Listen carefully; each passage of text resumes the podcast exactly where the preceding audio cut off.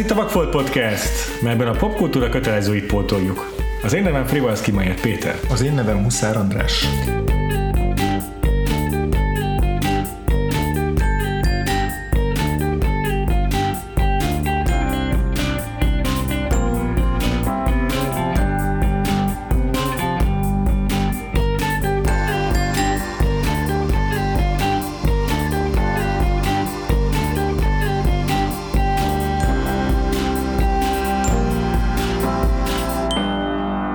1953-ba érkeztünk. Egy évet ugrottunk az időben, öles léptekkel. Igen, és nem is távolodtunk el annyira, hogy a Freed Unittól, az Arthur Freed nevével fémjelzett stúdiótól, amely az MGM égisze alatt tevékenykedett ebben a 40-es, 50-es években. Mert most már tényleg lassan kezdünk kifelé futni ebből az érából, meg a musicalnek ebből az aranykorából. Kezdjük is szinte majd ezzel. A filmünk címe The Bandwagon, és tulajdonképpen az egyik utolsó uh, hurrája ez a Freed Unitnak valóban.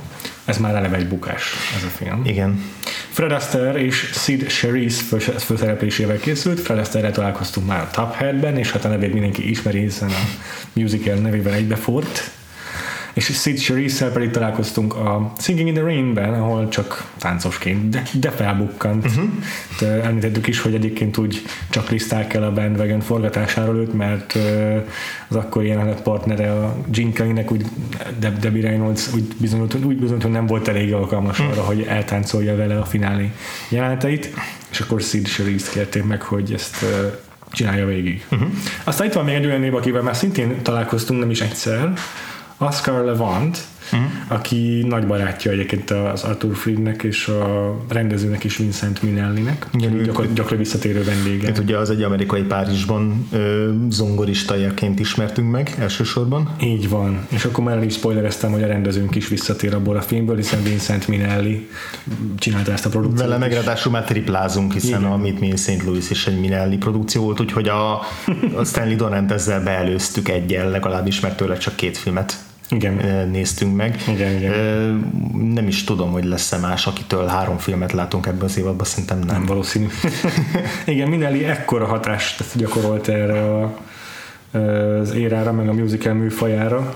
Úgyhogy Stanley Donantől is meg tudtunk volna nézni három filmet valószínűleg, tehát van egy csomó, ami szintén óriási ö, hagyatékkal rendelkezik. A mai korból is emlékszünk azokra a filmekre, amelyeket ő rendezett.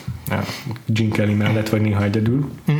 De most Minelli az, akivel itt tripláztunk. Igen. És ö, neki is ez már egy, egy késői produkciója de hát ő ugye elég sokáig alkotott, viszont az Arthur Freed nevével fémjelzett Unit az így ö, nagyjából a 60-62-ig működött, és ahogy mondtam, ez a film ez már bukás volt, ugye ezelőtt volt Singing in the Rain, egy évvel óriási siker, és igazából azelőtt is folyamatosan sikert sikerre halmoztak a, az American in paris meg az On the Town-nal egy, egy, egy, együtt.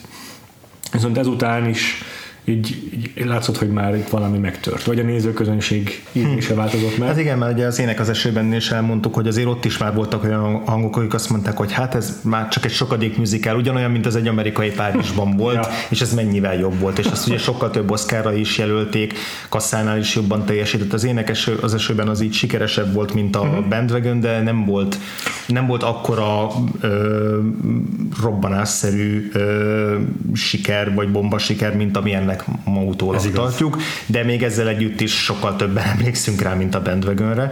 Pedig uh, ugyanaz, ugyanaz az írópáros fel mind a két filmért. Tehát a Bandwagon írói a Adolf Green és a Betty Camden, ők írták a Singing in the Rain-t is, és így ugye, eléggé hasonló alapszituációból indulnak ki, csak még a, az yeah. ének az esőbennél a Hollywoodon belüli változások ö, kerültek meg filmesítésre, ugye a néma filmről hangos filmre való átállás, yeah. itt pedig a színházi berkekben és a Broadway-en történő ilyen korszakváltás és, és eltérő személyiségjegyek és koncepciók ütköznek össze. Hát és generációk. És generációk, igen. Így van, így van.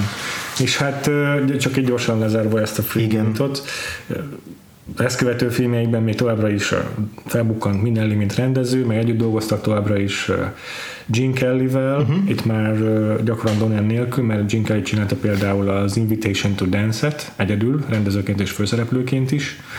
Aztán volt itt még egyéb ilyen Fred Astaire, Sid Sherry's koprodukció, tehát ahol ez a két főszereplő, amit ebben a film, akiket ebben a filmben látunk, visszatértek, ez volt a Silk Stockings, de ezek mind megbuktak egymást hmm. követően. Tehát így ezzel a filmmel 53-tól kezdve 58-ig nem volt sikere gyakorlatilag Friednek, és akkor 58-ban volt az óriási, gigantikus kassza siker a Gigi, Leslie Caron főszereplésével, akivel az amerikai Párizsban találkoztunk, és ez ugye egy csomó Oscar-t is nyert, aztán Vincent Minelli a rendezőit is megnyerte ekkor, és aztán ez volt az egyik utolsó musicalje, még volt egy a Dean Martinnal 60-ban, és aztán utána két, nem is, két olyan film, ami már nem is volt musical, és azzal véget ért az egész karrierje. És akkor beszéljünk egy kicsit arról is, hogy ha már ennyit foglalkoztunk Arthur Freed-del, hogy ma már valószínűleg ilyen hosszú karrierje se lehetett volna, mert 1988-ban megírta róla Shirley Temple a saját életrajzi művében, hogy még gyereksztárként, amikor uh, castingolta őt Arthur Freed egy filmre, akkor hát elmagyarázta neki, hogy most, ez, most, most jön az a része a, a interjúnak, ami a, amikor bemutatod, hogy mennyire vagy az életnő, és akkor elővette a péniszét. Hát ezt a szegény kislány nem is tudta hova tenni, nem is értelmezte a dolgot, és így elkezdett idegesen nevetni, és akkor kizavarta mm. az Arthur Freed, úgyhogy nem történt gyakorlatilag nem erőszak vagy ilyesmi, de hát ez már bőven elég ahhoz, hogyha ez akkor nyilvánosságra kerül. Ha ez mondjuk ma történt volna, és ma nyilvánosságra kerülne, akkor azonnal véget érne Arthur Freed karrierje. Annak rendje is módja szerint. Igen. Úgyhogy, Igen, ez, ez hozzátartozik ahhoz a képhez, amit így eddig felfestettünk az Arthur Fried által felfedezett tehetségekről, és a, hogy, hogy meg, milyen teret adott a kreativitásnak, hogy, hogy ennek, ahogy sok esetben nála is volt egy elég csúnya árnyoldala. Ahogyan itt a Shirley Temple írja, hogy akkor ő gyereksztárként még nem tudta, hogy volt egy elég hírhet ilyen ez a casting couch, ez a castingoló kanapéja az Arthur Freednek. Na hát ezekről a casting couchokról ma már szerintem lehet sejteni, hogy nem mindig önszántukból vagy teljes hát igen. beleegyezésükkel voltak ott azok a színésznők, akik megpróbáltak szerepeket el uh, csaklizni ebben az érában. Igen. A, ami még Arthur Fridet illet, ugye a, beszéltük a, az előző héten a, az Ének az esőben, az az ő számaiból Igen. lett összefűzve. A Bandwagon szintén egy ilyen jukebox musical, Aha. amiről most már jó néhány példát láttunk az évadban, amikor korábban meglévő számokat így összeszednek, és akkor valamilyen cselekményt így fűzzünk fel rá, de ezután nem az ő dalaiból válogattak, Aha. hanem elsősorban Arthur Schwarz és Howard Dietz párosának korábbi szerzeményeiből, meg még egyéb Aha. Darab, darabokból, és többek között volt egy, azt hiszem 1931-es The Bandwagon című musical, színpadi Aha. Broadway musical, aminek próbáltam utána nézni, de ilyen lost musicalként tartják nyilván, hogy így hogy aki látta annak idején, az, az esküszik rá, hogy ez egy minden idők egyik legjobb műzikelje, de nem nagyon lehet tudni, hogy miről szólt, meg hogy így nem, nem nagyon maradtak feljegyzések róla, de abban Fred Astaire a testvérével együtt játszották Aztán. a főszerepet, tehát valamilyen szinten biztos, hogy abból is átemeltek ja. mozzanatokat, vagy legalábbis dalokat biztosan. Akkor meséljük el gyorsan a hallgatók kedvéért, hogy miről szól ez a musical. De továbbra is ebben a klasszikus musical irányban vagyunk. Számomra klasszikusnak nevezett az az ér, amikor táncos betétekkel is, és zenés betétekkel is találkozunk. Igen.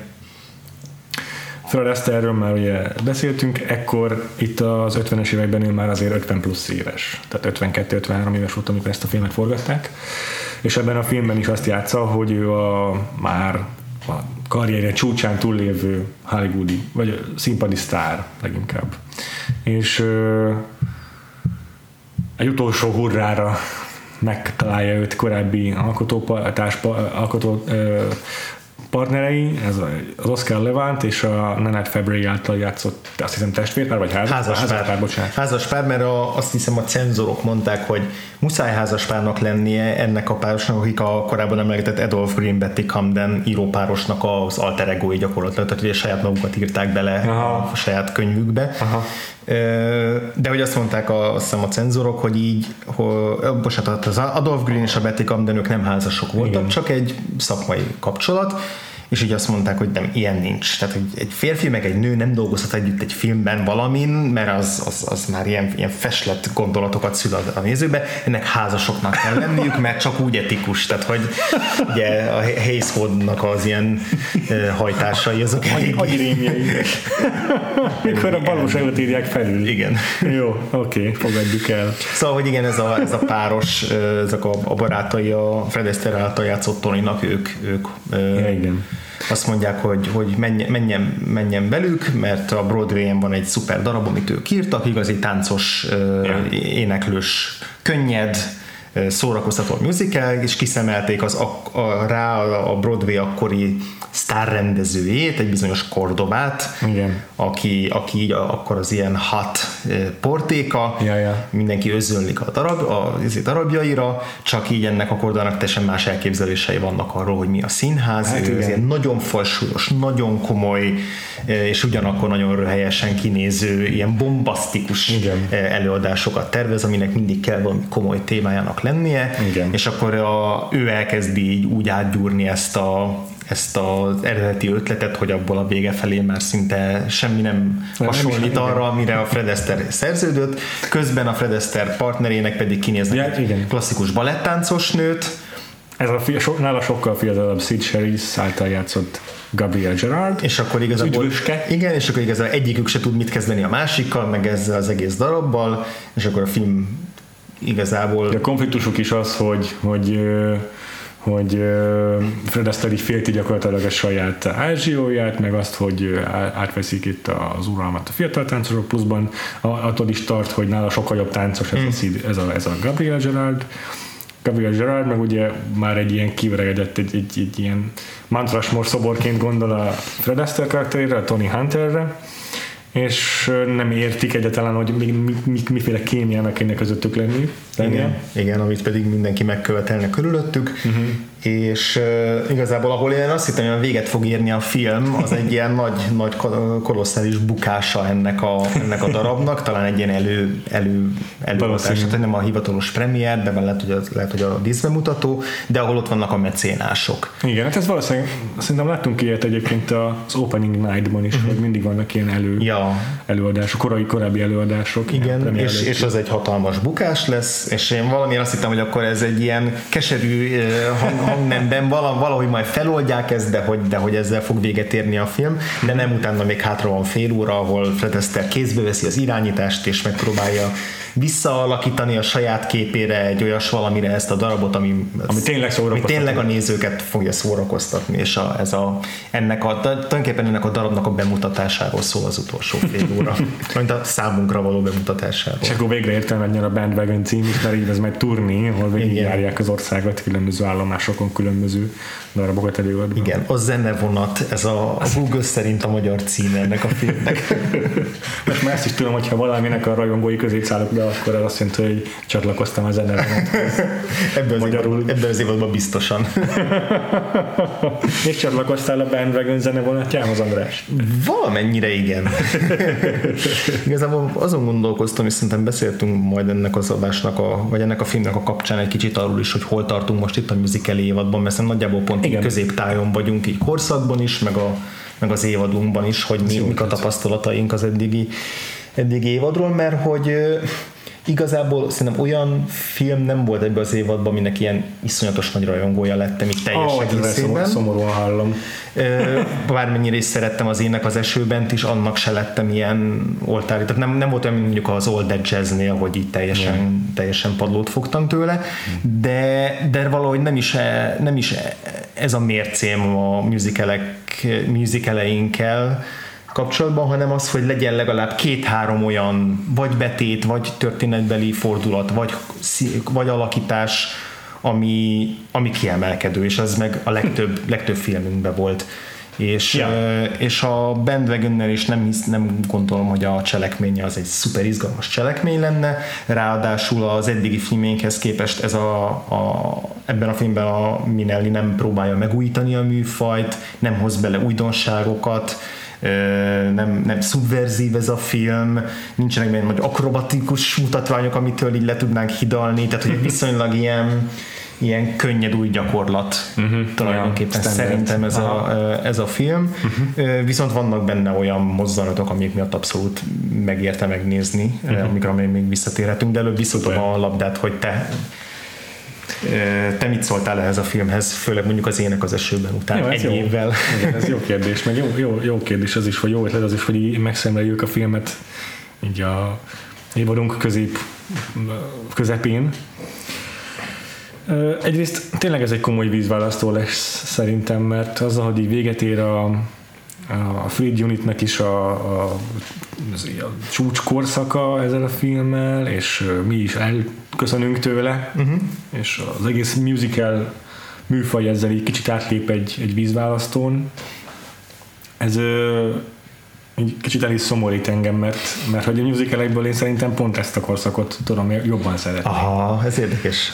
Tehát a, a Gene Kelly féle mm, táncos zenés betétek, Mhm. persze a Fred Astaire féle táncos zenés betétek egyaránt, ezek, ezek sose fognak már visszatérni a musicalbe. A, tehát a, nem, nem, lesz több olyan musical film, amiben látnék ekkor erőfeszítést, Aha. ö, meg ekkora ö, szakmai tudást megnyilvánulni.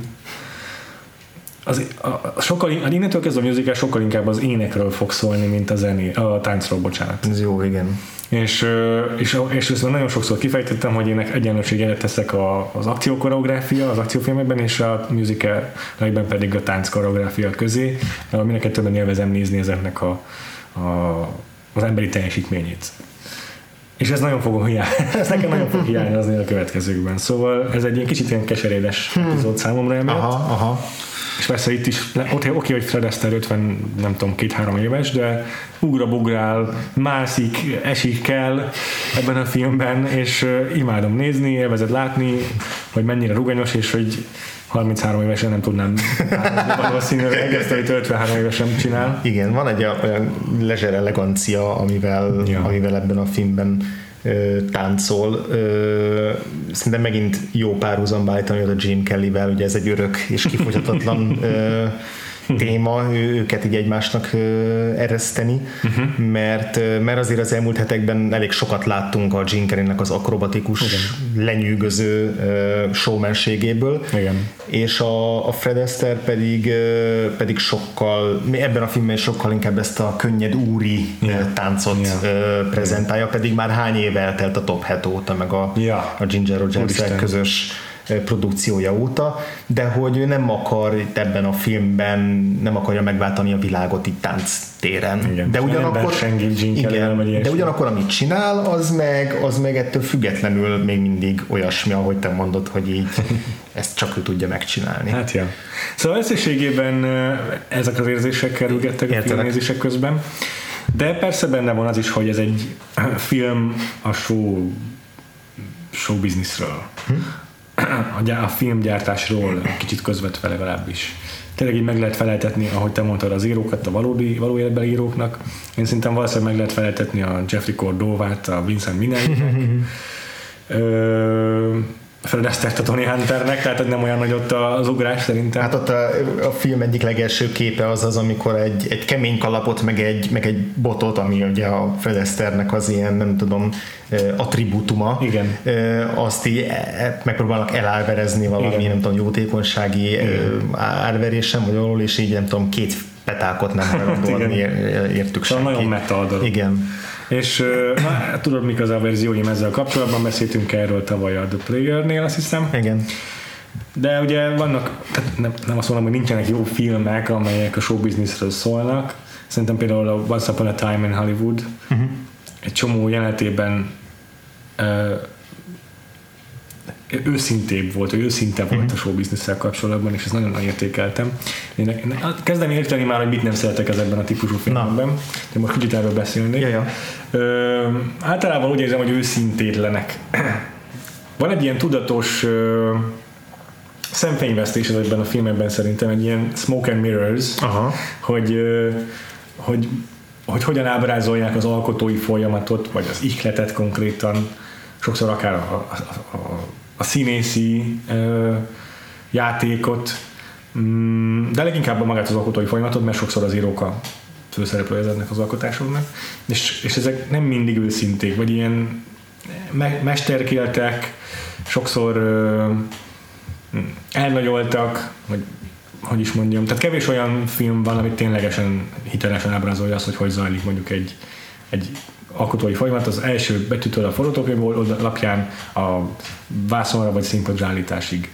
Tehát az Adaptation például azt a részét szuperul mutatja be, az a Adaptation című film, de, de csomó olyan sztori van, ahol meg a, az írót úgy ábrázolják, hogy napokig szemben az írói válságban, writer's block, ezért heteken keresztül, aztán történik valami az életében, uh-huh. ami megiklet, és akkor hirtelen megjön az, és akkor megírja. De ez kamu. és egy csomó hasonló kamu szokott lenni ezekben a filmekben. Amikor a színész szeknek és a színészete és az, a, a, az egész így ilyen kamu sokszor. Tehát a, az, ahogyan bemutatják a, a method acting és a nem method acting közötti különbséget az így elnagyolt és mesterséges és sokszor, sokszor csak a poén kedvéért eltúlzott. Uh-huh. És ez ebben a filmben is egy csomó ilyen kamu van. Montázsokban zajlik a nagy része igazából a produkciónak elkészülésének. Az egész úgy néz ki, hogy az utolsó fél órában hirtelen Fred Astaire így megalkot egy tök új darabot a semmiből, egy, montázson keresztül, és meg ilyenek vannak benne, hogy a rendező, amikor felmegy a színpadra dirigálni, akkor ilyen vicces módon beleakad valami daru, és akkor felemelkedik a színpad közepére a, frakjánál fogva, meg ilyen bugyutaságok is vannak ebben a filmben, hogy így látszik, hogy nem is veszi igazán komolyan magát, és én ezt nem szeretem, amikor hazudik egy film saját magáról, mm-hmm. úgymond, azt hiszem. És ezért mondta azt, hogy például Once Upon a Time in Hollywoodban én tökre bírtam, hogy, hogy, hogy, hogy, hogy tényleg úgy éreztem, hogy abban, amit a, hogy a Leonardo DiCaprio szenved a egyes szerepeivel, és ezt hogyan tudja magából mégis kihozni, az nekem tök őszintének uh-huh.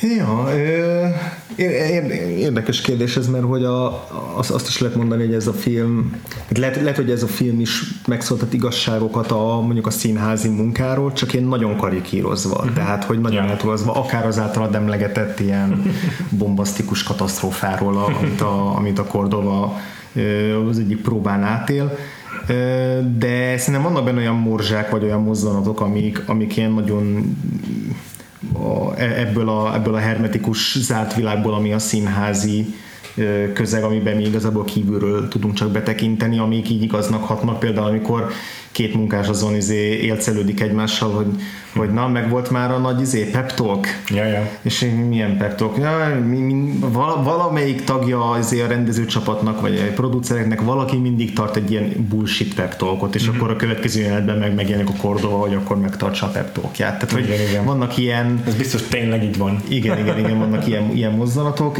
Alapvetően ez a film tényleg így a, a, a szórakoztatásról szól olyan értelemben, hogy így ilyen bohózatszerű jeleneteket akar alkotni elnagyolt karakterekkel, mint amilyen a Cordova. Tehát a Cordova szerintem a legelnagyoltabb karakter ebben a filmben.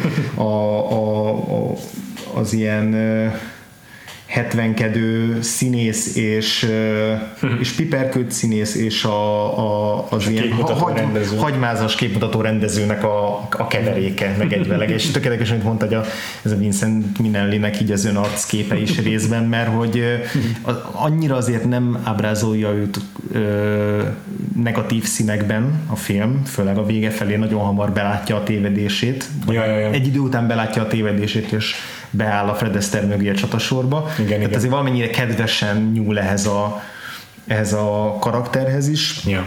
De, de tényleg érdekes az, hogy a, hogy a filmen belül ő a, mégiscsak a, az ellenpéldája annak, ami a, a film szerint a szórakoztatásról szól. Igen. Miközben a Vincent Minelli pontosan olyan elborult és gigantikus és grandiózus díszletes produkcióba gondolkozik, mint amilyenben a Cordova igen. gondolkozott. Igen. Majd miután a Cordova megbukik a előadásával, és akkor azt mondják a fedezszerek, hogy jó, térjünk vissza az egyszerű hétköznapi musicalhez, akkor utána az összes jelenetben olyan lélegzetel állt a díszletek vannak, ami ugyanannyiba kerülhetett, meg ugyanannyi munka összeállítani, mint amit a Cordova szerencsét. Tehát tök vicces, hogy, a, hogy ami az egyszerűbb idézőjelve egyszerűbb musical, ami, ami aztán sikert arat, az is ugyanolyan, mint bármelyik Vincent Minelli produkciónak a nagyszabású Igen. musical betétei, Igen. és közben meg a musical valamennyire, tehát valamit megérezhetett, még hogyha csak gúnyolódni is akartam Minelli,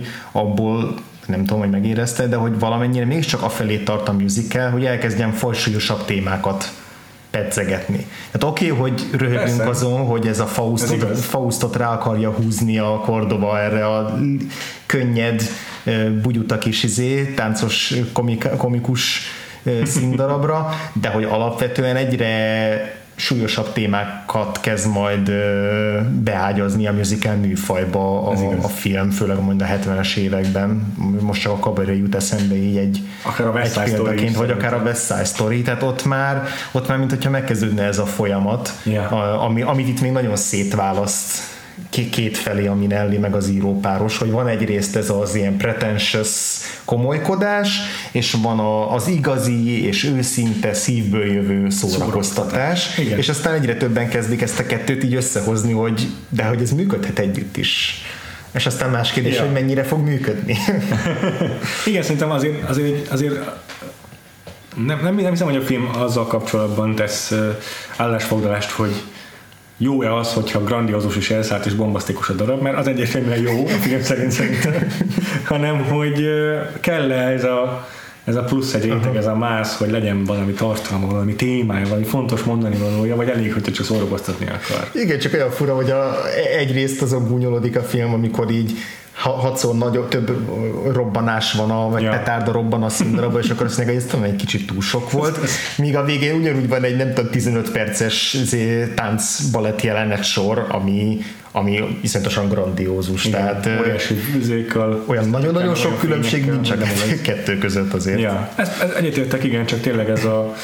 És nekem itt egyből eszembe is jutott ezzel kapcsolatban, a, még beszéljünk erről a Igen. témáról, hogy a, a meta, tehát erről a metanarratíváról itt a filmben, hogy, hogy nekem erről eszembe is jutott rögtön a, a 8 és fél, uh-huh. amiben szintén az volt, hogy van egy történetünk a rendezőtől, a, ö, hogy is hívták a karaktert? Ö, Guido-tól, aki, amivel szenved, nem tudja pontosan mit is akar elmesélni róla, ezért elodázza azt a kérdést, hogy mit is akar mesélni, azzal, hogy addig is a díszletek építésére, meg a, meg a speciális effektusokba fordítja az idejét, meg az, azzal ö, ö, foglalja le a stábot, hogy addig se legyen gondja magára a forgatókönyvre, meg a mondani valóra. Ez tök jó. És itt a Jeffrey Cordova, az tudja, mit akar mesélni, viszont ugyanez a megalománia jelentkezik nála is, hogy, hogy ö, a- a- egy ponton a rendező, mikor már annyira fel van sztárolva,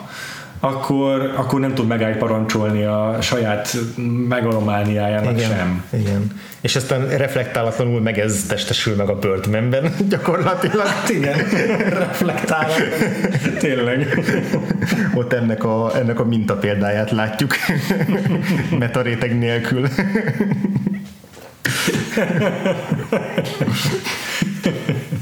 Jó, ez jó. Igen. És amúgy te, hogyha a, arról beszélünk, hogy a show business kapcsolatos filmek azok mennyire vékony égen mozognak nálad, eh, inkább a színház érdekel, vagy inkább a film? Tehát, hogy inkább az ilyen filmforgatáson játszódó filmek iránt vagy mondjuk engedékenyebb, vagy a színház? Aha. Látsz-e bármi különbséget, vagy nálad ugyanabba a ez kalapba nagyon, nagyon jó tartoznak? kérdés. Nagyon, nagyon jó kérdés. Ha most így rá kéne vágnom, akkor azt mondanám, hogy inkább a színház, hiszen egyrészt kevesebbet is tudok róla, másrészt meg külön tudnak zavarni a, az öncélú referenciák.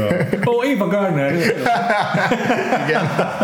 Persze néha tök jól működnek ezek a gegek, de azért néha úgy érzi az ember, mint ahogy én éreztem a playernél, hogy ó, hát itt van a telefonkönyvemben ez a 80 ember, hívjuk fel mindet, és kameozom mindegyik a filmemben. és te?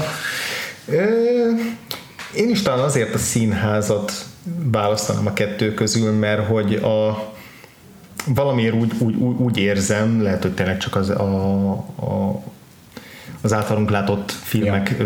példájából kiindulva, hogy az egy izgalmasabb ilyen ö, ilyen puskaporos hordó közeg. Ó, Tehát, hogy egy, egy, egy színdarabnak a megalkotása az, ez sokkal klaustrofóbabb közel. Igen, igen, és sokkal intenzívebb az, az, a, az a munka folyamat. Igen. Sokkal jobban össze lehet sűríteni egy filmben is, tehát egy igen. forgatás azért 600 helyszínen játszódik adott esetben, igen. vagy, vagy sokkal tovább tart, vagy sokkal több különböző részleget foglalkoztat, és a színházban pedig minden nagyon egy helyre koncentrálódik, és az szerintem emiatt tök könnyű is könnyebb is egy színházi produkciónak a színfalai mögé látogatni egy történeten belül, mert ott az intrikák, az ilyen kicsinyességek, az ilyen akár bohózatszerű vetélkedések, azok sokkal jobban adják magukat, mint egy forgatáson. Yeah. Ö, és egyébként szerintem az is benne van, hogy ez mind igaz, amit mondasz, egyetértek, plusz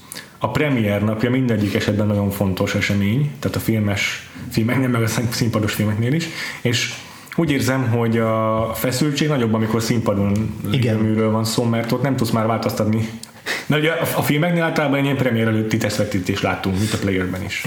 És akkor még, még azt, az, a néző még tudja fejben, hogy jó, hát ha most ez rossz, vagy bocsánat, ez a Singing in the Rain volt ilyen például. Hogyha most ez rossz, akkor még lehet újra vágni, vagy kivágni, vagy újra csinálni, vagy akármi. A színpadon ott már nincs visszaút. És szerintem ez növeli a feszültséget.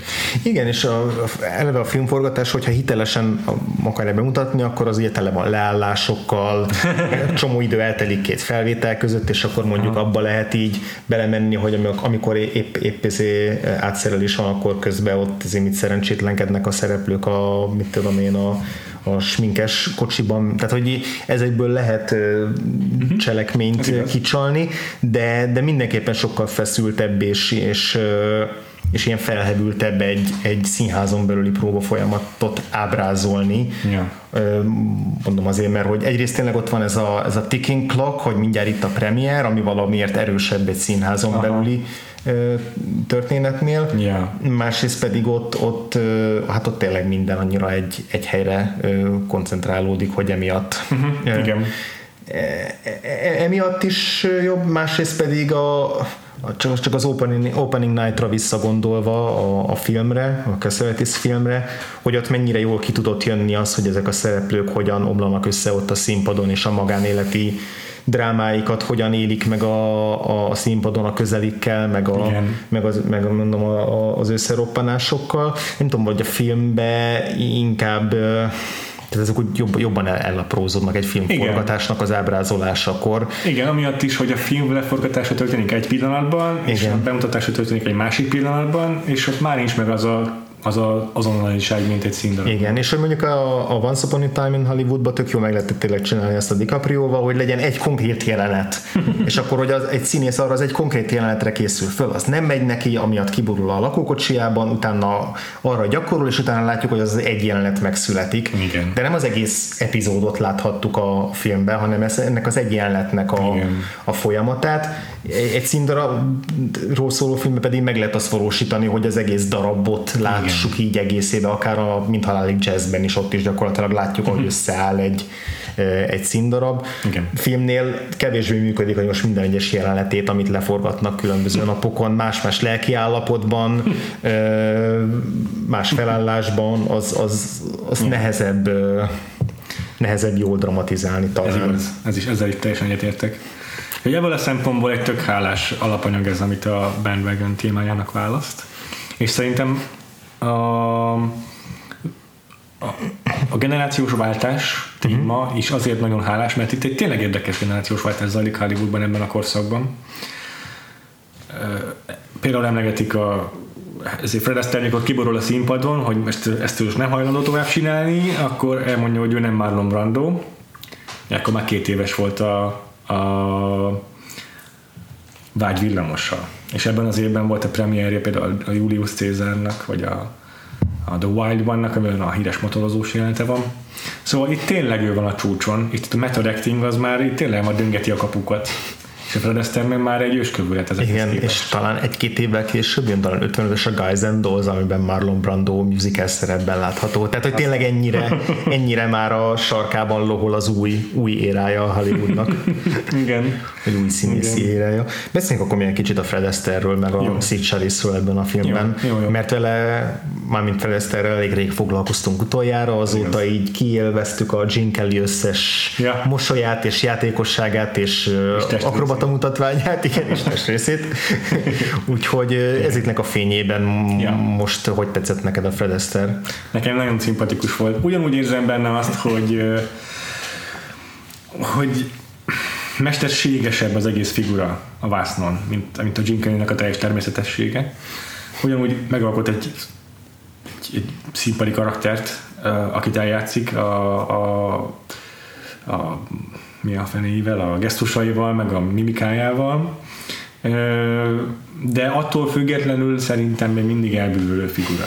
És, és tényleg csár, sármos csávó. Annyira jó nézni az arcát. Én erre jöttem rá, hogy ez, pont szerintem az ének az esőbennél is erről regéltem, hogy milyen jó a Gene arcát nézni, de hogy, de hogy a Fred Astaire meg annyira tényleg megnyerő ez a, ez ez a fizimiskája, amivel megáldotta a sors. Annyira könnyű megszeretni, hiába nagyon modoros néha tényleg a, a színészi játéka, meg az ének hangja se túl jó, meg az ének stílusa sem különösebben tetszik, főleg a Gene Kellyhez képest tehát amikor mondjuk a, a cipőpucolós dalt énekelte, uh-huh. akkor ott valahogy van, van sokszor olyan hangsúlyozása, ami nekem nem igazán tetszik, mert olyan kicsit mesterkél, Igen, meg, meg darabos, néha az ilyen grimaszolása, meg mimikája is úgy nagyon kifelé szól, úgy a, úgy a nézőnek nagyon kikacsint, de, de közben meg tényleg annyira annyira megnyerő egyszerűen yeah. a, az arca, és annyira nyílt az arca, és szerintem ebben egy picit talán több, mint a Gene Kelly, vagy ha nem is több, mint hanem más. Ugye a Gene Kelly azért ő mindig, mindig showman, mindig produkálja magát, és a, és ilyen paradox módon hiába modoros néha és kikacsintó a Fred Astaire, de, de valahogy jobban azt érzem, hogy ő jobban el tudja engedni magát talán így jelenlétként, ebben a filmben legalábbis. Tehát, hogy a Gene Kelly mindig bizonyítani akar valamit, akár azt, hogy milyen zseniálisan tud táncolni, vagy hogy mennyire tud szórakoztatni, Biztos. és a Fred Astaire lehet, hogy csak a korából adódóan is, hogy itt már 50 fölött van, már nem érzi úgy, hogy neki itt bármit be kell bizonyítania, uh-huh. ezért sokkal ilyen szempontból természetesebb tud lenni ebben a filmben. Ez, ez, ez, ez tényleg igaz, és jó, hogy ezt mondod. Nekem ami feltűnt, amikor duettezik a Jeffrey Cordovával a film legvégén, Mindenketten szuper jók, a Jeffrey Cordova játszó színész is, a Jack Buchanan is veterán táncos, hmm. meg énekes, de hogy van, jó, direkt figyelem persze, és hogy beképzelem, de hogy mintha így látnám a Jack Buchanan arcán, hogy ő neki kell számolni a taptosokat, meg mit tudom, tehát hogy ő koncentrál ezerrel. Fred Astaire meg nem, tehát annyira laza abban Igen. is, pedig ott tényleg steppelnek, meg botot dobálnak koreográfiára ketten egyszerre, szóval nem, nem, ott ki van számolva minden. Igen. Viszont az is abszolút működik ez a, ez a generációváltás, amiről beszéltünk. Van egy jelenet a filmben, amikor már megtörtént a katasztrofális ilyen premier előtti előadás, és akkor ilyen halotti tort ülnek a, a, a, a szere, a társulat tagjai a darabjuk fölött, és akkor oda bekerül a Fred Astaire, és ott befogadják maguk közé, Igen. és hogy nagyon-nagyon kilógol, mert egy talpig frakban, ki van csípve, tehát ez az igazi régi módi öltönyös figura, és akkor ott vannak körülötte ezek a fiatalok, akik mind a, a sokkal fiatalosabb öltözékükkel, sokkal lazábbak, lezserebbek, pedig ugyanúgy 53-ban járunk, mából visszatekintve már az ő kinézetük is ilyen nagyon ódivatúnak tűnik, de hogy e- ezzel a kontraszttal szerintem tök jó kijön az, hogy hogy ő kilóg már ebből a közegből, ami egyébként pedig a sajátja, hiszen yeah. Broadway sztár a, yeah. a karaktere, és mégis nem tartozik már így közéjük annyira. Tehát, igaz. Van egy ilyen, van egy ilyen váltás benne. De egyébként meg tök jók ezek a, ezek a de szerintem a chemistry végül összességében működik a Sid Sherry Szerintem is. De, a, de, a, de ahogy hívják a másik kettő énekessel, akik ugye a zírókat alkotják, Igen. is van egy-egy dalbetét, látszik, hogy azt kell Leván táncolni nem tud, és akkor, így, akkor kimegy a képből. De ugye, de ugye Leonard Fabre, meg, az, meg a Buchanan. Igen, ők így hárman a Feleszterrel több, több táncban, több, többször is táncolnak együtt. Azok viszont nagyon, nagyon szuperek, és úgy élvezetesek, majdnem olyan élvezetesek, mint a Singing in the Rain-ben a Aha. Debbie Reynolds-ot, meg a Gene Kelly-t, meg a Jack nem tudom. Donald O'Connor vagy? Donald O'Connor, igen, igen, bocsánat. szóval azok ugyanolyan, élvezet, ugyanolyan élvezetesek számomra. Igen, és szerintem is jó volt a két főszereplő között, közti a kémia, és picit sajnálom is, hogy nem foglalkoztak többet az ő kapcsolatukkal, Igen. Mert, mert nekem nagyon-nagyon tetszett az, hogy ezúttal persze megint kell valami, ami így a, a, a szerelmeseket, vagy ezt a párost így az elején nagyon szétválasztja, hogy, hogy legyen konfliktus. és nekem nagyon tetszett, hogy hogy itt ebből a szituációból és az ő karakterükből és a közegből fakad ez a konfliktus, és nem csak valami random külső akadály, mint a, mint tudom, a top headben, az ilyen ja. Izé, idiótaságok, hogy összekeverik valaki mással, ilyen félreértés, Aha. hanem arról van szó, hogy mind a ketten tökön bizalomhiányosak ebbe a szituációba. Erről beszéltél már, már előbb, hogy, hogy mind a ketten úgy érzik, hogy nagyon tisztelik a másikat, és ugyanakkor úgy érzik, hogy semmi közük ahhoz, amit a másik csinál, nem tudják megcsinálni azt, amit a másik csinál, és biztos, hogy amit én csinálok, annak helye van itt? És hogy ezt nem tudják kibeszélni az elején, mert ott, ott pont a hiúságuk felül, felül kerekedik, és ezért azon kezdenek el vitatkozni, hogy melyikük a magasabb, meg melyikük a jobb, meg melyikük a fiatalabb vagy öregebb, és akkor ott rögtön megutálják egymást.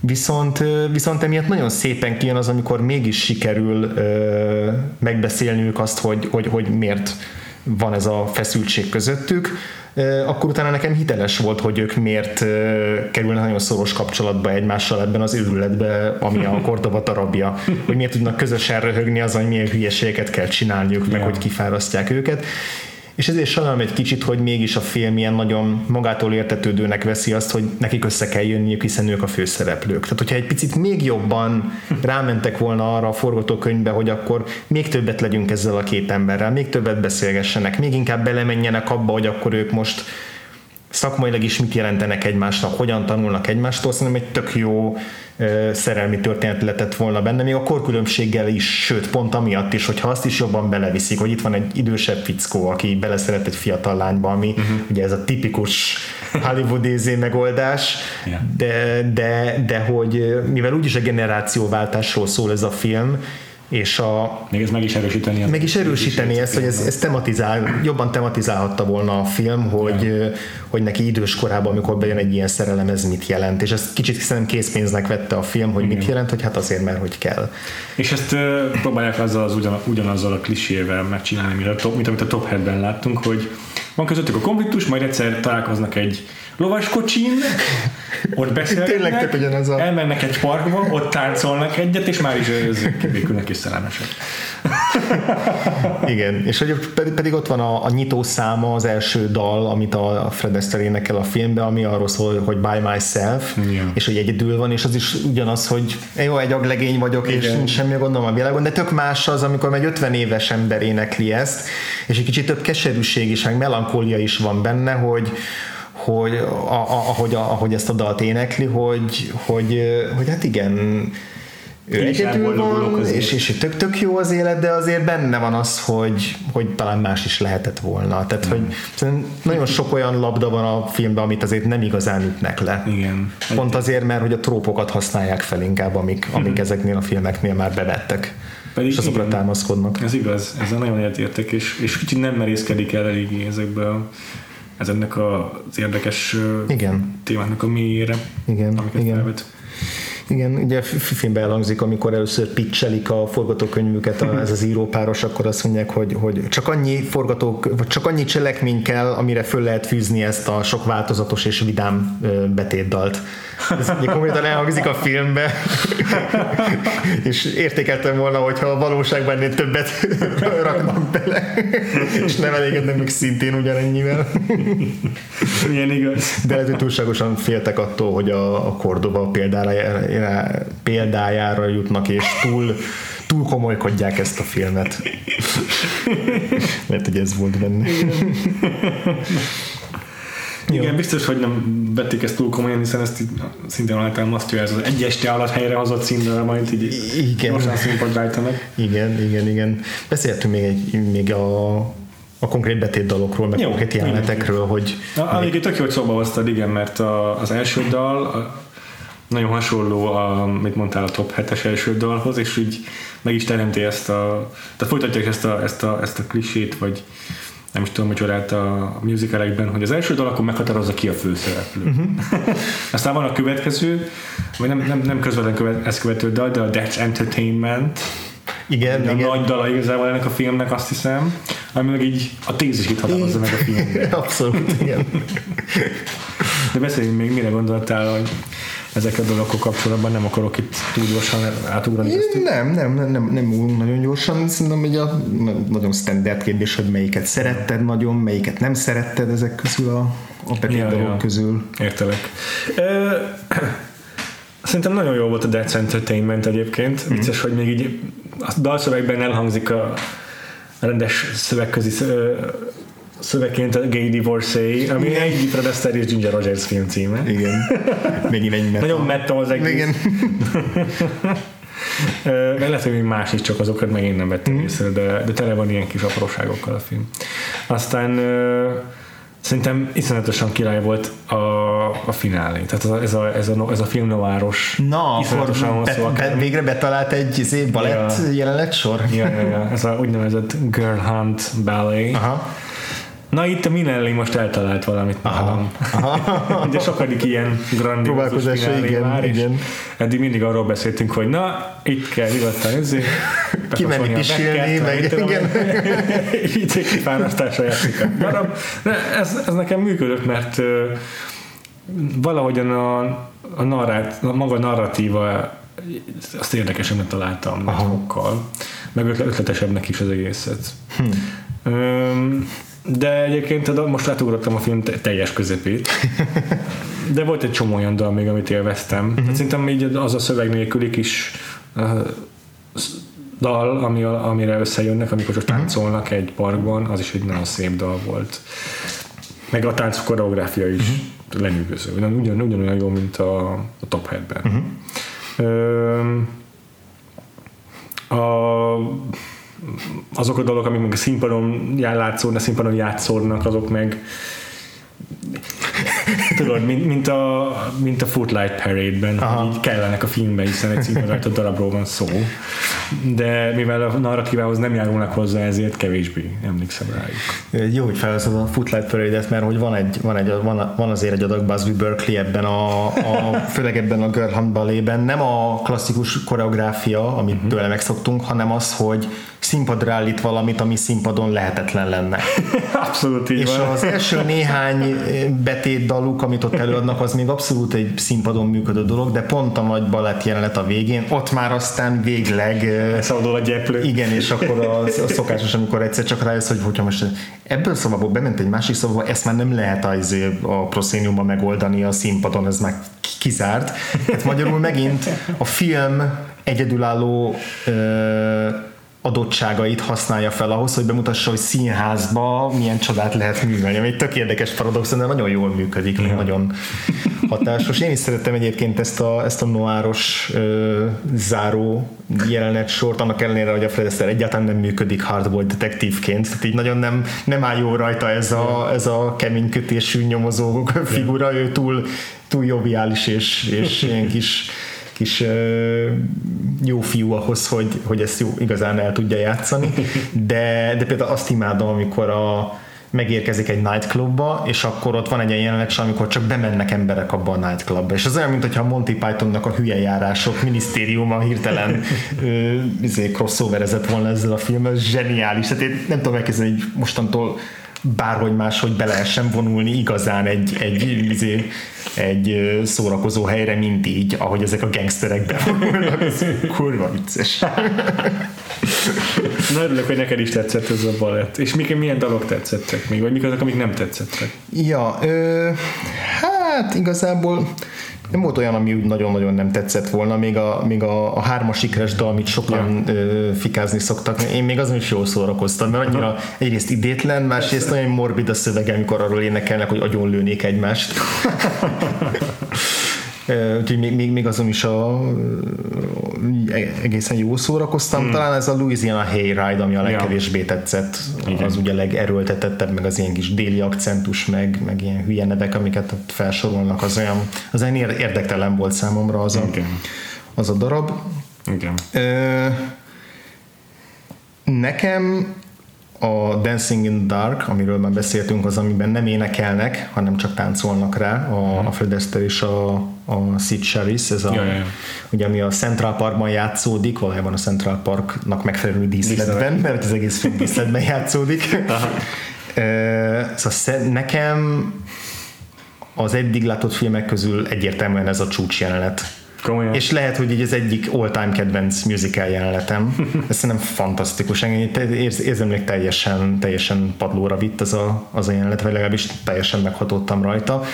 Mert, és ezen gondolkoztam egy csomót, hogy miért pont ez a, a jelenet, hiszen tényleg Hát. nagyon hasonló ahhoz, mint a Top Hat-ben a, a kis Ginger pavilon alatti kis jelenete a Ginger rogers de amiben itt a rendezés nagyon sokat hozzátesz, az az, hogy hogyan vezeti fel ezt így lélektanilag, meg vizuálisan is, mert hogy ez, ez jelenet azután jön, hogy, hogy sikerül meg az az áttörés, hogy ők kibeszélik a problémáikat egymás között, és hogy van ez a sok-sok feszültség, fokozódott, fokozódott, és akkor végre egy kicsit megkönnyebbülhetnek mind a ketten, és van egy ilyen ebből fakadó nem tudom, kimerültség, vagy amikor úgy jó, akkor most elengedjük magunkat egy kicsit, és ahogy itt sétálnak egymás mellett, és nem beszélgetnek.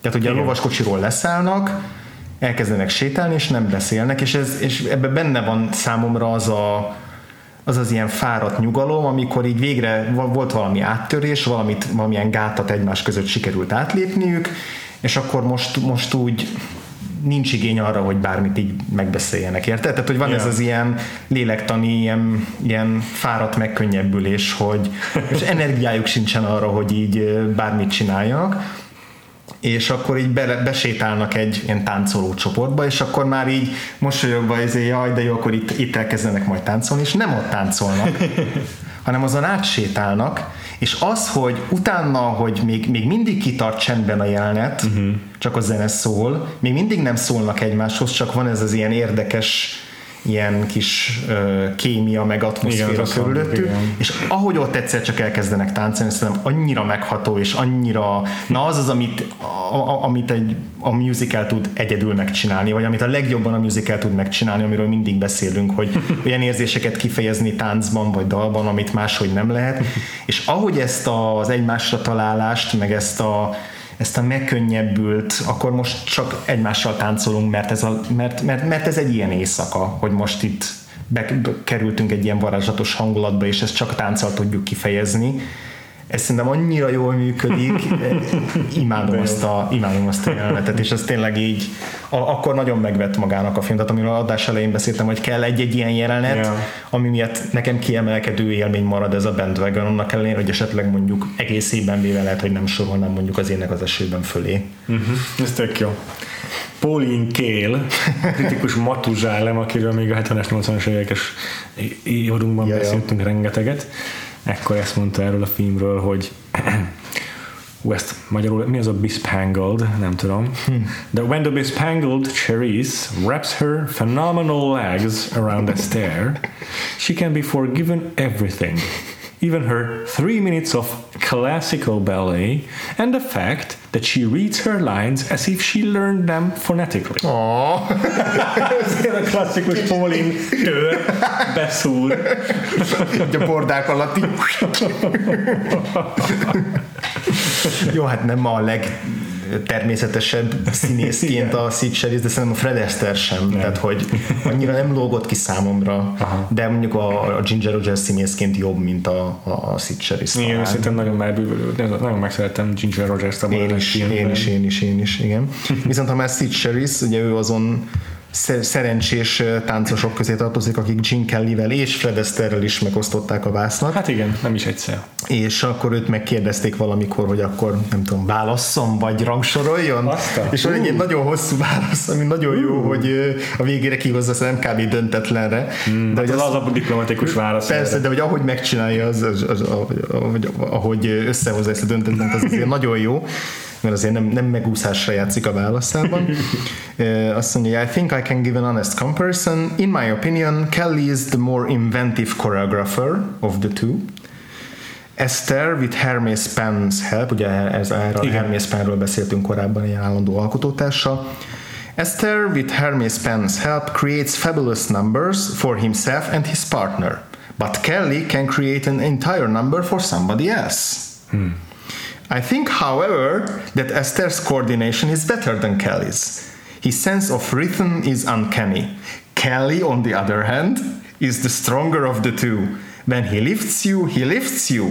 To sum it up, I would say they were the two greatest dancing personalities who were ever on screen, but it's like comparing apples and oranges. They are both delicious. Ez kurva jó, hogy így fölrakosgatja a táblára a pluszpontokat mind a két oldalra, tehát azért megmondja, hogy melyikük miben jobb, de a végére kihozza, hogy mind a kettő tökéletes. Nagyon jó. Egyébként mindkettőjükről szerint- szerintem tényleg fontos, hogy tehát nagyon gyakran a Hollywoodban, akiket mi látunk uh-huh. előadni, a film, ahogy a színészeten kívüli egyéb ö, ö, professziókban nem mindig a szakmájuk csúcsai. Hiszen, mit tudom én, ö, vannak jobb hegymászók, mint a legjobb stuntman, aki hegyet mász egy filmben, vagy akármi. Tehát ö, sok, sokszor ugye nem, uh-huh. nem ők a szakma krémje, lehet, hogy szuper jók, meg fél éven keresztül gyakorolnak erre, Ja. vagy arra, vagy amarra a professzióra, de nem ők a legjobb. Vagy aki mondjuk egy sztár énekest játszik, mondjuk Igen. Joaquin Phoenix játszott Johnny Cash, Johnny Cash mindig is jobb énekes lesz, Ja. mint Joaquin Phoenix. Igen. Viszont itt tényleg úgy álltak össze a csillagok, hogy Gene Kelly és Fred Astaire tényleg a szakmájuk krémje voltak, és színpad. És, és, és pont egy olyan, egy olyan korszakban voltak, amikor olyan filmeket gyártottak nagy üzembe, amikor igény volt ezekben a filmekben az ő szakmai tehetségükre. Ja. Úgyhogy erről, ez egy érdekes, megint csak egy vízválasztója szerintem ennek a műfajnak, hogy ezektől az emberektől is búcsot kell vennünk, és ezen túl legtöbbször színészek lesznek, akik tudnak énekelni. nem énekesek, akik tudnak színészkedni, vagy nem táncosok, akik tudnak színészkedni. Igen. És ha már, ha már musical meg táncfilm, akkor, akkor a második verzió az, ami, ami talán több maradandó és Hm. egyedülálló ö, produktumot szül. Ja, ja, ja. És, és ezért tudunk megbocsátóbbak lenni mondjuk ilyen színészi képességeik ö, iránt is, nem? Tehát, hogy ezért nem, nem követeljük meg tőlük, hogy, hogy ö, hogy mit tudom én, Cary Granty, vagy, vagy Gregory Peck, vagy Ja. Catherine Hepburn ö, magasságokba ö, ostromolják a színészi jelenlétüket, Igen. hiszen Hiszen kompenzálják ezt egy olyan tehetséggel, amivel ezek az emberek nem rendelkezhetnek soha. igen, igen. Persze. És egyébként is e, e, a, má- már, a, már a puszta testfeletti kontrolljuk el, eléri azt, hogy van egy olyan kis sugárzásuk, hm. amit ö, nem lehet, máshogy lehet csak produkálni, tehát ezzel csak ők rendelkeznek. Igen, és ezért is érdekes az, hogy a, a későbbi musicalekben, ahol meg ahogy mondod, egyrészt előtérbe kerül az ének, másrészt előtérbe kerülnek jobban a komolyabb témák. Ö, ennél fogva már a színészi képességeket is jobban igénylik ezek a filmek. Ja. És akkor így valahogy háttérbe szorul a tánc, tehát mint hogy az lenne a harmadik legfontosabb egy, egy idő után, a, akár mondjuk a modern musicaleket tekintjük, akár a Moulin Rouge-t, vagy a Chicago-t, akkor ott is megvan, hogy színészileg legyenek nagyon jók, mondjuk egy Nicole Kidman, vagy egy René Zellweger, énekben legyenek korrektek, táncban meg majd Akkor valami lesz. kitalál valamit. Igen, igen, valamit kitalál számukra, de hogy, de hogy itt pedig, itt pedig fordítva van a, a, a rangsor, uh-huh. és, és lehet, hogy alakításban filmként egy, jobban egyben van mondjuk egy Chicago, mint egy The Bandwagon, de hogy nincs benne olyan olyan fa, ö, ilyen sublime vagy transzcendens jelenetsor, mint a, mint a Dancing in the Dark például, vagy a Girl Hunt Ballet. Ja, ja, ja. Szóval e- ezt fogom én leginkább szerintem. Ezt megértem, igen. De itt a Gerhan Ballet-vel kapcsolatban, ha már egy úgyis szóba hoztam ismét, akkor Wikipédián olvastam, és magamtól fel se tűnt volna, de szerintem tök fontos érdekesség, hogy a Michael Jackson nagyon szerette valószínűleg mm. ezt a betétet, mert a van egy egész album, amit, amit egyfolytában, amiben egyfolytában idézi, ez a Dangerous, de konkrétan a Smooth Criminalnek a klipjében ugyanabban a kosztümben bukkan fel, ugyanolyan kosztümben bukkan fel, mint a Fred Astaire ebben a jelenetsorban, és az egész ilyen gangsteres ez a klip, az, az, az, ezt a film, ezt a, ezt a Bandwagon jelentet idézi fel. Tök jó. Ja, igen. Én meg amit találtam, a múltkori adásban volt talán egy Saturday Night Live említés, amit nem, nem találtuk meg azt a videót. Ja. Most ehhez az adáshoz viszont be tudunk majd linkelni egyet. Steve Martin és Gilda Radner egy nagyon korai, talán a harmadik évadban, 78-ban a Saturday Night Live-ban felléptek, és volt egy sketchük a Dancing in the Dark zenéjére, amiben gyakorlatilag kiparodizálják az ilyen, az ilyen táncbetéteket. Nem mondom, hogy, hogy Sírva fergeteges, de, de azért elég szórakoztató, úgyhogy érdemes megnézni, hogy Steve, és Steve Martin tök, jó, tök jól táncol benne. Úgyhogy, úgyhogy ez neki is ezek szerint volt hozzá tehetsége. Szuper. Ezt meg kell nézni. Ja. Jó. Jó, egy dolog maradt, ez az ilyen kis mini játékszegmensünk egy-egy adás végén, amikor megnézzük, hogy ezekben a az adott filmünknek a dalait kik dolgozták még föl később. Igazából most egyre többször ugyanazok a nevek merülnek fel, így azokat én most már nem kérdezném minden, mindéket végig, mert most hogy 20 szó és siker találni Ella Fitzgeraldot, meg Duke Ellingtonnal, szerintem nincs sok értelme, inkább hogy az érdekesebbeket yeah. szúrom ki, bár a többségükről volt szó eddig is. Uh-huh. Három dalt választottam ki, ez egyik a By Myself. Ja, amit a Astaire először elő a filmben. Igen, ezt, ezt is rengetegen feldolgozták, de van három ismertebb név. Egyikük egy énekesnő, akivel már foglalkoztunk az évadban, és aki a karriere későbbi szakaszán a színpadon nagyon sokszor előadta ezt a dalt, és a lemezére is felkerült, így van. Gondolom nála ez a, a dalnak az érzelmi és a, a töltete az így még inkább ö, tudott érvényesülni. Nálam minden így felfokozottan működik egy-egy ilyen dalban. Tehát az a melankólia, amiről beszéltünk Igen. a dalszöveggel kapcsolatban, már a, nála biztos ezerszer jobban. Már a Have, you, have Yourself a Married Little Christmas is beszéltünk erről. Igen. Igen, akkor egy másik ö, énekesünk, akivel szintén foglalkoztunk már, de nem ebben az évadban, hanem egy jóval korábbiban, mm. és színészként abban a filmben emlékeim szerint nem énekelt. Aha. Ő egy komikus egyébként, elsősorban komikus, és van egy kötődése egy egészen friss filmhez, amit most mutatnak be a hazai mozikban is. Jack Black. Nem, ez ilyen 70-es, azt hiszem 70-es években adta elő ezt a dalt, ez a komikus már nem él. Egy komikus, elég régóta. színész, mi az Isten? És nem Jack Black. nem, és most bemutatnak egy filmet, bemutattak egy filmet, ami benne, ami az érdekes kötődése van, pedig már nem él. Igen. Valami remake az ő régi filmjének? Majd, hogy nem, igen. Folytatása? Akkor ilyen megidézi. Aha, aha. Hm. Mit mutatna ebben? És azzal a filmjével ja. foglalkoztunk. Ja, igen, igen. Ó, oh, hogy hívják? Ez a, a, a King of Comedy-ben a műsorvezető uh-huh. játszó fickó, Igen. emlékszem a nevére. Jerry Lewis. Jerry Lewis, tényleg, úristen. Nő az, aki szintén elénekelte ezt a dalt, egy lemezen. De jó. Illetve van egy... Ja, és akkor a film miatt kapcsolódik hozzá. A Joker. Joker és a harmadik név szintén még ugyanennél a dalnál, ő egy sztár énekesnő, aki hát most nem írtam ki pontosan mikor, de szerintem a 80-as években dolgozhatta föl ezt a dalt. Hát mit mondjak róla? Egy neve van. Se. Igen. Biztos lehetett volna kevésbé evidens klút meghatározni, de... Szép volt. A másik dal, a Death Entertainment, természetesen rengetegszer feldolgozták ezt a dalt, sőt olyannyira, hogy ez az MGM-nek gyakorlatilag ilyen főcímzenéjévé vált, vagy ilyen szlogen, nem, nem szlogen, szignáljává. szignáljává Tehát volt több MGM-ről szóló dokumentumfilm, amit például volt olyan, amit a Gene Kelly meg a Fred Astaire együtt műsor vezetett, és wow. annak is ez volt az ilyen, a címe is, hogy That's Entertainment, ebből több ilyen című dokumentumfilm készült az MGM-ről, szóval ezt nagyon így maguk, maguknak ezt így Igen. kisajátították ezt a dalt. Uh-huh. De ennek ellenére van két feldolgozója, az egyik egy olyan énekesnő, akiről öt perce beszéltünk. Judy Garland.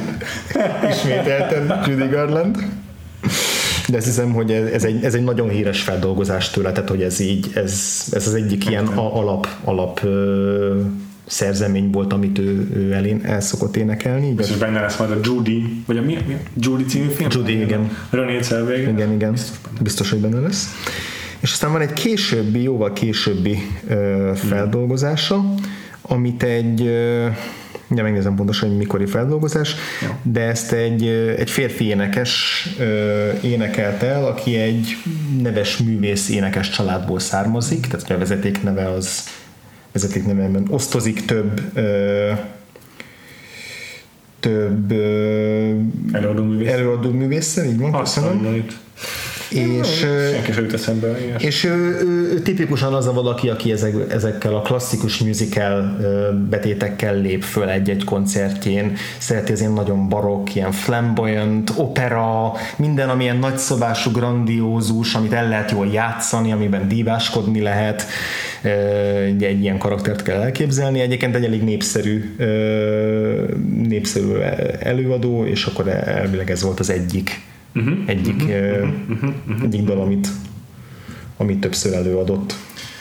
Ja, ja, ilyen több generációs előadók. Igen, most már szerintem ő is idősebb egy kicsit, tehát én, én, én úgy gondolom, hogy már így az 50-es évei felé közelíthet.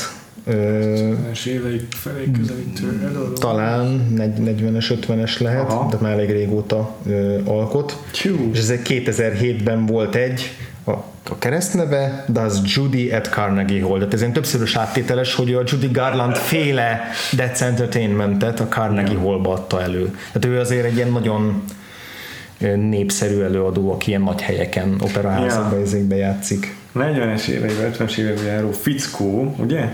Igen. Kanadai-amerikai egyébként, és vannak saját, van rengeteg saját szerzeménye is. Ö, igen, 73-as születésű, tehát 46 éves. A Bu- Bublé úri, ami kanadai, de nem, nem ő. Biztos, hogy Nem, nem, nem, nem. Fú, ah, jó kifogtál rajta. Lehet, hogy, lehet, hogy őt nem ismered annyira egyébként. Lehetséges.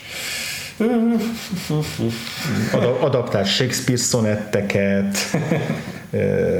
mondom, Judy Garland dalokat, Aha, Mhm, vannak saját szerzeményei, énekelt Leonard Cohen, tehát nagyon sok mindent. Kanadai, amerikai. Hát dinasztia színész, előadó művész dinasztia, csak a Sutherlandet tudom, aki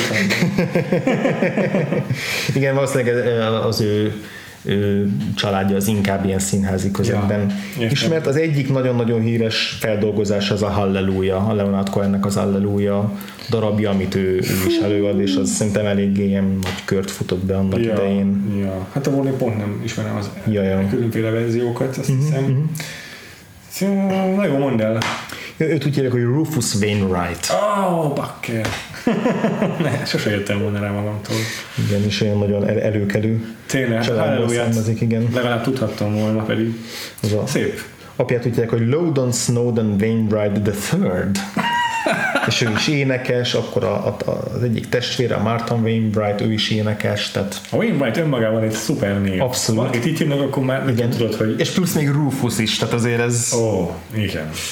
Ez igen. így- Ez, ez, ez, csak egy gentleman lehet. mondhatni így könnyű. Illetve még a Wikipédiáról egy adalék ehhez a dalhoz. 1979-ben paródia dalszöveggel a Mordru nevű villain karakter a Legends of the Superheroes című televíziós külön kiadásban énekelt. Fogalmam nincs, hogy mi ez, de elképzelem, hogy egy, egy supervillain elénekli a Death Entertainmentet. Ja, ez jó.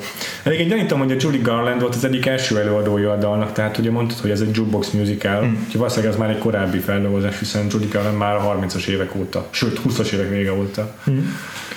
előadott ekkor, De az is lehet, hogy, hogy, hogy csak ő, ő még híresebbé tette. csak ő még híresebbé tette, az is lehetséges, mert ugye igen, pont a későbbi karrierjében váltott inkább ilyen színpadi előadó. Pontosan igen, ahol így válogatott az ilyen standardek közül. Ja, ja, ja. És akkor van még egy dal, ez a, a, ö, Fred Astairenek és a, a Jack Buchanannek a közös Igen, dala, az a ugye, amit címe. ketten adnak elő. I guess I have to change my plan. Ah, igen, igen, igen. Ez az ő közös daluk, és ezt ketten is, Azt fel, bírtam, bocsánat.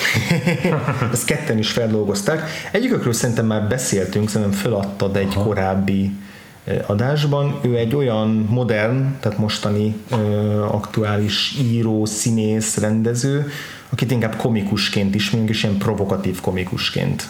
És emellett van egy meglepő Ed Izzard. nem, van Oh. még meglepőbb zenész karrierje, így bizonyos időközönként kiad ilyen swing, meg all-time all-timer örökzöld albumokat, ahol, mert hogy van zenei képzettsége is amúgy, de arról szerintem nagyon kevesen tudnak, mert ő, ő inkább az ilyen Komik. profán, obszcén humoráról híres. Ez nagyon jó. Profán, obszén, humorú, komikus. filmekben, sorozatokban Aha. alkalmazza. Nem gondolnánk róla, hogy ő egyébként szeret Jaj, nagyon jó. Én persze nem- 50-es években úgy énekelni. Ki lehet ilyen amerikai vagy angol? Vagy nem is angol száz. De, de, de angol száz, igen. Most valamiért kanadai rémlik, de lehet, hogy Mm, amerikai. Ugye megnézem. Na jó, még egy kicsit. Amerikai. Amerikai. Amerikai, igen. Saturday Night Live-hoz van köze az űrgének? Nem nagyon. Férfi, ugye? Neki más, neki, igen, neki saját ö, franchise-ai vannak. Két így külön víz sorozatai elsősorban.